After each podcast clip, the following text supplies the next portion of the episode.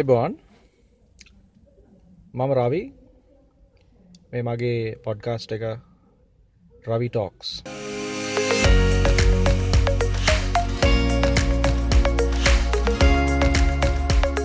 මං අද හිතුවා මේ අපි වැඩිය මේ අපි අප අතර ඉස්මතු වෙලා කතා කරන්න නැති මාතෘකාවක් ගැන කතා කරන්න.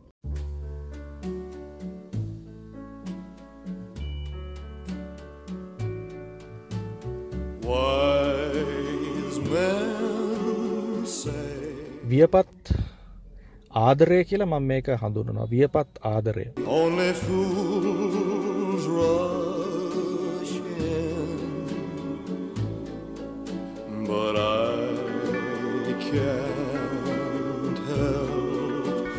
Falling in love with you. මේක නිකං සිංහල සමාජය නං අපේ ලාකික සමාජය නං මේක මහිතන්නේ වැඩිහිටි කට්ටිය ගොඩක් අපි හිතම අවුරුදු හැට හැත්තෑ වගේ වෙච්ච කට්ටිය නම් මේක එච්චර මේ අවශ්‍ය දෙයක් කතා කරන්න අවශ්‍ය දෙයක් විදිහටත් දකින්නෑ මොකද ඒ කාලෙ මේක බොහොම ප්‍රකට විදිහට අපේ සමාජයේ ක්‍රියාත්මක වෙච්ච දෙයක්. මේ විදිහට මේ එලිපිට කතාක නොකරාට ඒක තුළින් ක්‍රියාත්මක වුණා. නමුත් දැන් දැන් මට හිතෙනවා මට පේනවා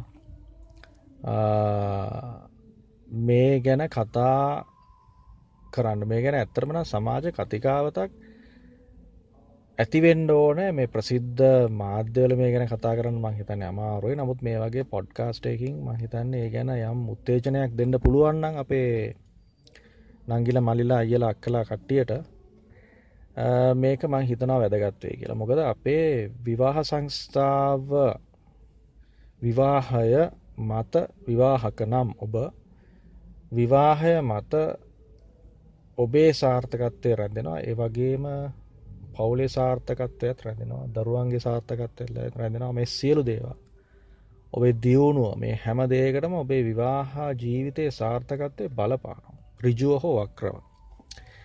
එනිසා ඒ සඳහා අපිට යම් පසුබිමක් ගොඩනගා ගන්න පුළුවන් වෙන්න බැක්ග්‍රවන්් එකක් හදලා තියන්න පුළුවන්න මේක ස්මූත්ලි අන්ඩ මැරිඩ් ලයි් එක. එක මංහිතන වැදගත්.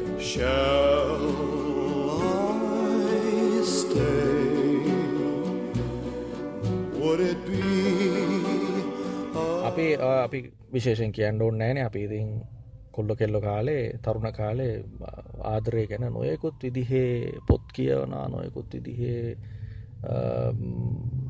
සාහිත්‍යමය දේවල් බලනවා කියවනවා බලනවා ලියනවා කතා කරනවා. අනිත් සියලු මාතෘකාවන් වලට වඩා විශේෂ තැනක් විශිෂ්ට තැනක් දෙනවා අපි උසස් තැනත් දෙනවා අපේ මේ ආදරයගෙන මාතෘකාව. ඒවගේම ලිංගිකත්වයගෙන මාතෘකාවට සෙක්ස් කියලගත් සෙක්ස් ගැන කතා කරන්න. ති තරුණ කට්ටිය එක අමුතුවෙන් කියන්න ඕන්න සෙක්ස් ගැන කතා කරපං කියලා කියන්න ඕන්න එක කොහොමටත් කරනවා. නමුත් වැඩේ තියෙන්නේ අවුරුදු හතලිහ තිස් පහ හතලිහ ඇතම් බැඳල අවුරුදු පහක් විතර ගියාට පස්සේ ඔළුවට මිටියෙන් ගහල කියන්න ඕන කතා කරපං ආදරය ගැන කතා කරපං සෙක්ස් ගැන හිතපං සෙක්ස් ගැන හිතපං ආදරය ගැන කියලා කියන්න ඕන. ගතියක් මට පේනවා අපේ සමාජය. ඒක මේ උගත් නූගත් උසස් පහත් හැම සමාජයක මේක තියෙන. ඉති මේක අවසානාශයෙන් එලියට එන්නේ මේක ඉස්මතු නොවී තියෙන්න්නත් පුළුවන්. මේක හැඟවෙලා ඒම මැරණකල් ඉතින් ඒම අවුරු වයසට ගියාට පස්සේ මේක ඉතින් කවුරුත් ඕක ගැන ආදරේ ලිංකත් එකන කතා කරන්න ඉදිරිපත් එන්න අවුරුදු පහහිදර පස්සෙතින් ඒ අපේ සමාජය දැ තියෙන ඉදිරි මට පෙහම පේෙන් ඉතින් මේක හින්ද එහෙම අපෝවෙලා ගිහිල්ලා මැරලයන එහම නැත්තම් මේක ඉස්මතු වුණොත් එක්කො දික්කාසාදේර කියලා වෙන විවාහකට යන්න පුළුවන්. ඒම නැත්තං මේ වෙන වෙන වෙන විදිහට ගැටුම් විදිට දිරිපත්වෙලා බෝම පවුල අසමයක් එන්න පුළුවන්. ඒම නැත්තං එක්ස්ට්‍රා මැරිටල් රිලේෂන්ශිප්ස් කියලා පිගෙනගෙන විවාහෙන් පරිබාහිර වෙච්ච වෙන ලිංගික හා ලිංගික නොවන ඉට මෙහා සමාට වචනයෙන් බැල්මෙන් කතාවෙන් වෙනත් වෙනත් කට්ටියගෙන් ඒ සතුට සැනසීම ලබා ගන්න තත්ත්වකට මේක යන්න පුළුවන්. දි මේක බරපතල දෙයක්. මේක මතු වෙන්න කවුරුත් කතා කරන්න වැඩිය. ඔය සයි කවන්සලින් වගේ තැනකදී නැත්තන් කවන්සලස් ලගේ මීටිංස් වලදී ලෙක්චර්ස් වලදී මංහිතන්නේ යාල මේකන කතාවෙන නමුත් සාමාන්‍ය සමාජයේ කතාවෙන බොහමාඩුයි නමුත් මේක කතාවිය යුතුම දෙන්න. කවුද? විවාහ සංස්ථාවේ ඉන්න ප්‍රධානයෝ දෙන්න. බිරිඳ සහ සැමිය. අතර මේ ගැන මහිතන්නේ වැඩිපුර මේ ගැන උනන්දුවක් කතා බහක් ඇතිවෙන්නේ නෑ. නැ උදාහරණට හිතල බලන්න. අවුරුදු බැඳලා ඉතින් අවුරුදු පහක් හයක් බැඳලා අවුරුදු දෙක තුනක් වෙනකල් මේ මේ ආදරය ගැන කතා වෙනවා. ඒ ගැන හැඟීම් ප්‍රකාශ කරනවා. එක දේවල් තියෙනවා. ඉතින් වචනයෙන් ක්‍රියාවෙන් වෙනම කියන්න අවශ්‍ය නෑන යක වරුද්දන්නවා හැබැයි ළමයි ලැබිලා ළමයි එක්කෙන දෙන්න ලැබෙනකොට ම මේ ගැන ඇතරම නම් මගේ බ්ලොග් එකෙත් මං ලියුමක් දැම්ම මටර ටයිප් කරන්න ගොඩක් වෙලා යන නිසා මම මේ පොඩ්ඩයි මක ලිව්වේ. නමුත් මේක විශාල වශයෙන් පුළුල් වශයෙන් කතා කරන්න ඕන ඇඩ්‍රස් කරන්න ඕනේ ප්‍රශ්නය දැ අරවිදිය හිතලබන්න අවුරුද්ධ අපි සාමාන්‍ය දකින දේ. ඔබ සහ ඔබ විවාහකන ඔබත් ආපස්සට හිතල බැලෝ ඔබටත් මේක යම් ප්‍රමාණකට තේරෙයි. ළමයි ලැබෙනකට ළමයි ගැන උනන්දුවෙන්ට ගන්න ඊට පස්සේ තම තමන්ගේ රැකියාවල් වල උසස්වී මේ වගේ තියෙන රැකියාව ප්‍රශ්න ගැන උනන්දුනස ගෙදර ලයිට් බිල් වතුර බිල් අරබිල් මේ බිල් ඔය ගෙදර කටයුතු ගෙදර පවුල පවත්තාගෙනය මේ කටයුතු ඉළඟට රැකියාව කටයුතු ළමයින් කටයුතු දරුවන් කටයු මේට යෙදෙන මේට මූලිකත්වය ප්‍රමුකත්වය දෙනවා. නමුත් නොදැනීම තමන්ගේ ආදරය තමන්ගේ ලිංගිකත්වය තමන්ගේ තෘප්තිය විවාහ ජීවිතය තෘප්තිය කියන එක අරවාට සීමාවන දරුවන්ගෙන් සැන සීමට පත්වෙන්ඩ මට්ටමට එනවා. ආදරය ලිංගිකත්වය විවාජීවිතය තෘප්තිය කියන එක පෑලදොරින් පලායනා වගේ ගතියක් වෙනවා. මෙහෙම විය යුතු නැහැ. මොකද ලිංගිකත්වය කියන එක ආදරය කියන එක ලිංගික සහසම්බන්ධය උදෙසාම නං කෙනෙක් වැළඳ ගන්නේ.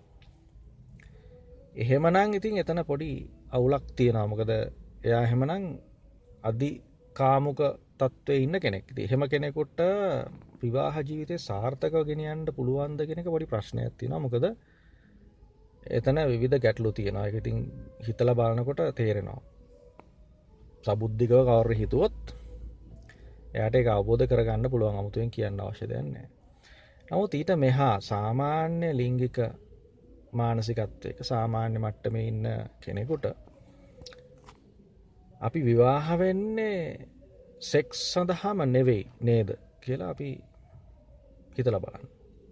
අපි විවාහ වෙන්නේ අපිට සහකාරයක් අවශ්‍යය සහකරුවෙක් අවශ්‍යය කියන පදනම උඩනා ඉළඟට ඒ කෙනාට ආදරය කරලා ඒ කෙනත් එක්ක ජීවිතය ගෙනියන්ට ජීවිතයට මුණ දෙන්න කියන දේ උඩනා අන්න එතකොට එතන වෙන සත්තියෙනවා එකන අපි ලිංගිකත්වය උඩ ලිංගික සේවනය උඩ නෙවෙයි අපේ ජීවිතය පාත්වක එක මතර දෙයක්. ඒකින් අමත් විශාල තෘප්තියක් ලැබෙනවා. එක වෙනම වෙනවා දවස් ගනන් කතා කරන්න පුළුවන් දෙයක් එතන තියෙන අලිංගික තෘප්තිය කියනෙකුඩ නමුත් ඒක නෙවෙයි විවාහ සංස්ථාවේ ප්‍රධානම දේවෙන්නේ විවාහ සංස්ථාවදී අපි ආදරය මුලට එනවා ලිංගිකත්වය ඉන් පස්සේනවා.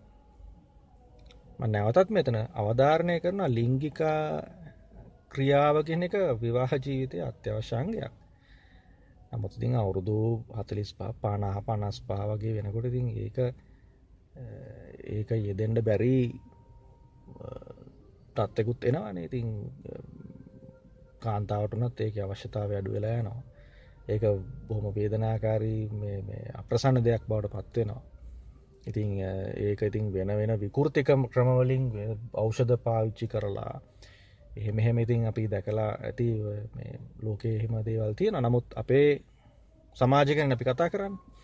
ඉති අපේ සමාජ සාමාන්‍යයෙන් ලිංගික ක්‍රියාවන් වලට අවශ්‍යතාව නැති වෙන සාමාන්‍ය වයස වැඩියකුට ගෑනු කට්ටි ඉතින් පිරිමියගෙන එහෙම නෙවේ ඉතින් එතන ලොකු එතකොට ගට්ටනයක් එනවා. පිරිමියා හිත සකස් කරගෙන නැත්තා ප්‍රීමියයාගේ හිතේ මානසික මට්ටම තියෙන්නේ දැඩී ලිංගිකර තෘප්තියක් බලාපොරොත්තු වෙනවානම් වයස පැනලත්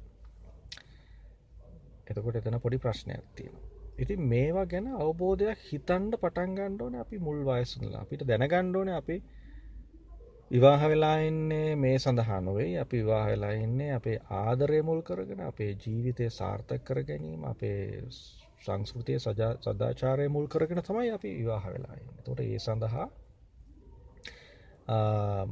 ක්‍රියාත්මක අපි පසුවි මහදා ගණ්ඩෝඩ අර දේගෙන අවධානයක් ඇතුව එකැන මේ යම් බයසකති මේ වගේ වෙනස්කම් වෙන එතකොට මේකට අපි හිත සකස් කරගෙන ඉන්ඩෝන අපේ දැඩී ඒ පැත්තට බරගතියක් තියෙනවනම් ඒවා අපි සමනය කරගෙන සාමාන්‍ය ජීවිතයක් ගත කරන්න පුළුවන් මට්ටමකට එන විදිහට. ළමයි ලොකු වෙන වයසට එනකොට අපේ වයස වැඩි වෙනකොට එකට අපි ලෑස්තිලා ඉන්ඩෝ එම නැත්තල් ලොකු මානසික ගැටලුවක් එතන එනවා. අනිවාර්යම එකට ඉතින් මුහුණ දෙන විදිහ කොහොමද කියලා එක එක්කෙනා ගිදිර වෙනස් වන ඇති මහා ප්‍රශ්න ඇති කරගන්න ඇතින්නවා යොස්සේ ගිහිල්ලා. ඉති මගේ මාතෘකාව මෙතන මේ වගේ පසුවිමක් යටතේ අපි වයස් මොහොකුරා යනකොට අපි මැදි වයසට වගේනකොට එතකොට අපි ගොඩක් ලට විවාහ වෙලා අවුරුද්ධායක් විතර ගිහිල් එතකොට අපි ගැහැනිය සහ පුරුෂය කියන දෙදෙනාම හිතුවොත් හොඳයි නේද? ආපස්සට අපේ මුල් මුල ගැන්. අපි කොහොමද හම්බුනේ? අපි කොච්චර ආදරය කරාද? අපි කොහොමද එදවස්සල එකනෙකා මුණ ගැහෙන්ට බලාගෙන හිටිය? එකනෙක කටහඩ අහන්ඩ බලාගෙන හිටිය? සහ ඉන් පස්සෙ වෙච්ච සියලු දෙවලට අපේ කොච්චරනං ආශාවක් කොච්චර බැඳීමක් කැමැත්තක් ආදරයක් තිබ්බද කියන එක අපි නිතර සිහිපත් කරගන්න ඕන. මොකද එහෙම නැත්තං අපිට ඒක අනිත් අනිත් අනිත් ජීවිතයේ ප්‍රශ්නත් එක්ක අර පාට් එක සම්පූර්ණයෙන්ම ඩිසපිය වෙන නොපෙනිය නැති වෙන එතන ලොකු වැැකිවුම එකක් එෙන ලොකු හිස් බවක් දැනවා ඒ පැත්තෙන්. එතකොට ජීවිතය බැලන්ස එක යනවා. ජීවිතය සාර්ථක එන ආර්ථික වශයෙන් සාර්ථක වෙන්න පුළුවන්. ෘතිමය වශයෙන් සාර්ථක වෙන්න පුළුවන්. නමුත් අනිත් බොහෝ පැතිවලින් දුකෙන් කනස්සල්ලෙන් කනගාටුවෙන් අතෘප්තියෙන් ජීවත්වන ගතියක් තමයි තියෙන. ඉතින් මේක එක එල්ලේ බැලෝහම මේ මොකද කියලා හිතෙන් නැතිවෙන්න පුළුවන්. අපිට හිතෙන් ලා වෙන වෙන ප්‍රශ්නතයි මතුවෙන්න. සැමියගේ විවද්ද බිරිදගේ මොනහරි අඩු පාඩුකන්තයි මතුවෙන් නැත්තං වෙන වෙන ප්‍රශ්න. නමුත් ආදරය දෙදෙනගේ ආදරය කියන එක අපි නිතර පුන්රාවර්ජනය කිරීමක් කරන්න නැත්තා ඒ සඳහා යම් කැපකිරීමක් යම් කටයුත්තක් යම් දෙයක් කරන්න නැත්තං ඒ වෙනුවෙන් ඒක අපෝ වෙලා යන ඒක අමතක වෙලා යනවා. එතකොට ඒ හිස් අවකාශය නිසා තමයි අපිට අනෙකුත් ප්‍රශ්න බොහෝ විට මතු වෙලා විවාහ සංස්ථාව දෙදරයන්ට හේතුවෙන්නේ දික් අසා දෙ දක්වා වෙන්න පුළුවන්. ඇත්තම්මා පෙරකී විදිහට අර එක එක වෙන වෙන විකෘති පිස්සු විකාර දේවල් වලට යොමු වෙන ගතියක් එනවා. ඉතින් මෙහෙම නොවෙන්ඩ නම් මං අර මුලින් සඳහන් කරේ විදිහට අපේ දැන්තියෙන අපි අපි ඉස්සර කොහොමද සහ ඉස්සර හට කොහොමද වෙන්නේ? අපේ ලිංගික සහ ආදරය ලිංගිකත්තය සහ ආදරය කියන එක අපි දෙන්නගේ අපේ විවාහ වෙලා ඉන්න දෙන්නගේ. උනේ කොහොමද සහ ඉස්සරහට වෙන්න කොහොමද කියන ගැන අපි හොඳ අවබෝධයකින් ඉන්ඩෝන අවධානයකින් ඉන්ඩෝන එහෙම හිටියහම තමයි අපේ යම් වෙනසක් අඩුපාඩුවක් දෙන්නයි කොයි පැත්තෙන් හර වෙනවනම් ඒක ටක්ගාල අපිට මුල්ලින්ම දැනගන්න පුළුවන් එක දුවන්ඩ ඔඩු දුවන්ඩ කලින්. එක ස්ප්‍රෙඩ්ඩලා කැන්ස එකක් වගේ ස්ප්‍රෙඩ්ඩලා මේ ආපස්සට අපිට ප්‍රතිකර්මයක් කරන්න බැරිමට්ටමට එන්න කලින් අපිට මේක දැනගන්න පුලා වෙන සක්තිය තමන්ගේ තුළ හරි තමන්ගේ සහකරුවා තුළ හරි වෙන සක්තියෙනවනම් ඒ ගැන විවෘතව කතා කරන්න මේවා මේ අපි දකිනවා සමහරලාට බඳින්න කලින් අයිය හරි නංගි හරි ක් හරි කියලා ඉන්නවා. නැත්තම් නමින් කතා කරන්න ආදරෙන් සුදූ චූටි බබාර්හෙමෙහි කිය ඉන්න ඊට පස් ඕන ටිකක් වයස වැඩනට ඔයා මෙයා කියන්න ගන්න ඊට පස්සේ තව ටිකක් ලොකු වයස වැඩියනකොට ආරයාගේ දුවලගේ තාත්තා තාත්ති කියන අම්මි කියන අර නමෙන් කතා කරන එක ආදරෙන් කතා කරන එක පවා අඩු වෙලා යනවා. ඊට පස්සේ අර මොකක්ද බකුමුණු වයසද මොකක්ද කියන්නේ අර හා හෝ හූගගා එහෙම මේ කිසිම ප්‍රතිචාරයක් ආදර බර වචනක් වදනක් නැතුව ඉන්න ගතියක් එනවා ඉතින් මෙතැන්දී අපි කියන් මම සඳහන් කරන්න අපි දැන්ව චිත්‍රපටියල දකිනගේ මල් බොකුරක් හංගගෙන ඉල්ල එක දෙනයකවත් නිගං අල්ලගෙන වටේ කරලා නටනයකවත් නෙවෙයි. හැඟීමෙන් ඇතුළේ තමන්ගේ හදවත තුළ මේ තමන්ගේ සහකරවා රෝපණය කරපු ආදර බීජය මේ වෙනකොට වර්ධනය වෙලා කොච්චර වර්ධනය වෙලාද කියලා තමන්ගේ සහකරුවට දැනෙන්ඩ ඕන. දැනනාව මදිනං දෙකක් ඇනලා කියන්න හරිෝන එතකොට තමයි ඌටත් මතක් වෙන නැත්තං එයටත් මතක් වෙන්නේ යකෝ. ඇත්ත නේද මේ? මම මේ මගේ භාර්යාවනද මේ මගේ සයපුරුෂයනය අපි කොච්චර ආදරය කරාද කියලා මතක් වෙන්න ඔන්න නිතර. ඒකට තමන්ගේ සිතකය වචනය යොදවන එක කිසි පාඩුවක් නෑ කියන එක තමයි මට මෙතනදි මතක් කරන්න අවශ්‍යවෙන් මේ ගැන අපි ඉස්සරහට මං බලාපොරොත්තු වෙන තව විද මේකේ ප්‍රශ්න කතා කරන්න. අමු අමුයව මම අමු වචනම් පාවිච්චි කරලා කිව්වේ ඒක වැදගත් දෙයක් අපේ ජීවිතයේ සාර්ථකත්වයට. අපි වැරදිවලින් වැලකිලා අපි ජීවිතයේ අවුල් කරගෙන අවුල් ජාලාවක් කරගන්න ඇතුව වයස වැඩිවෙන්ඩ වැඩිවෙන්න අපේ පෞර්ෂත්වය වැඩිවෙන්ඩ ඕන. අපේ ප්‍රඥා වැඩිවෙන්න ඕන. අපේ බුද්ධිය වැඩිවෙන්න ඕන. අපි ජීවිතයට මුහුණ දෙන විදිහ අපි හිතන විදිහ මොහොකුරා යන්න ඕන. ඒත් එක්කම අපේ ආදරය පරිණත වෙන්න වියපත් ආදරය ඉදිහට මං හඳුන්න ඇවේ ඒක. ඒ ගැන තමයි මං මගේ බ්ලොග් එකෙත් තර ලිපිය දාලා තියෙන්නේ. ඉතිං එකත් පොඩ්ඩක් කියවන්න. ඊළඟට අමතක් කරන්න එපා. මේ මේ මේ පොඩ්කාස්ට් එක මගේ රවී ටෝක්ස් සබස්ක්‍රයිබ් කරන්න. මං පොරොන්දුවේ නවා ආලට නිතරම මේක මාතෘකාවක් විතරයි. මති මේ ගැනත් තවගොඩක් දෙවල් තියෙනවා කියන්න. මේවා මම සමාජ දැක්ක දේවල් මම දකින දේවල් මට සහ සමාජ කතා විය යුතුයි කියලා මම පිළිගන්න සහ ම විශ්වාස කරන දේවල්. ඉතිං සබස්ක්‍රයිබ් කරන්න රවී ටෝක්ස් මේ මං කියපු කාරණය ගැන හිතන්න ඔබට ජය. Take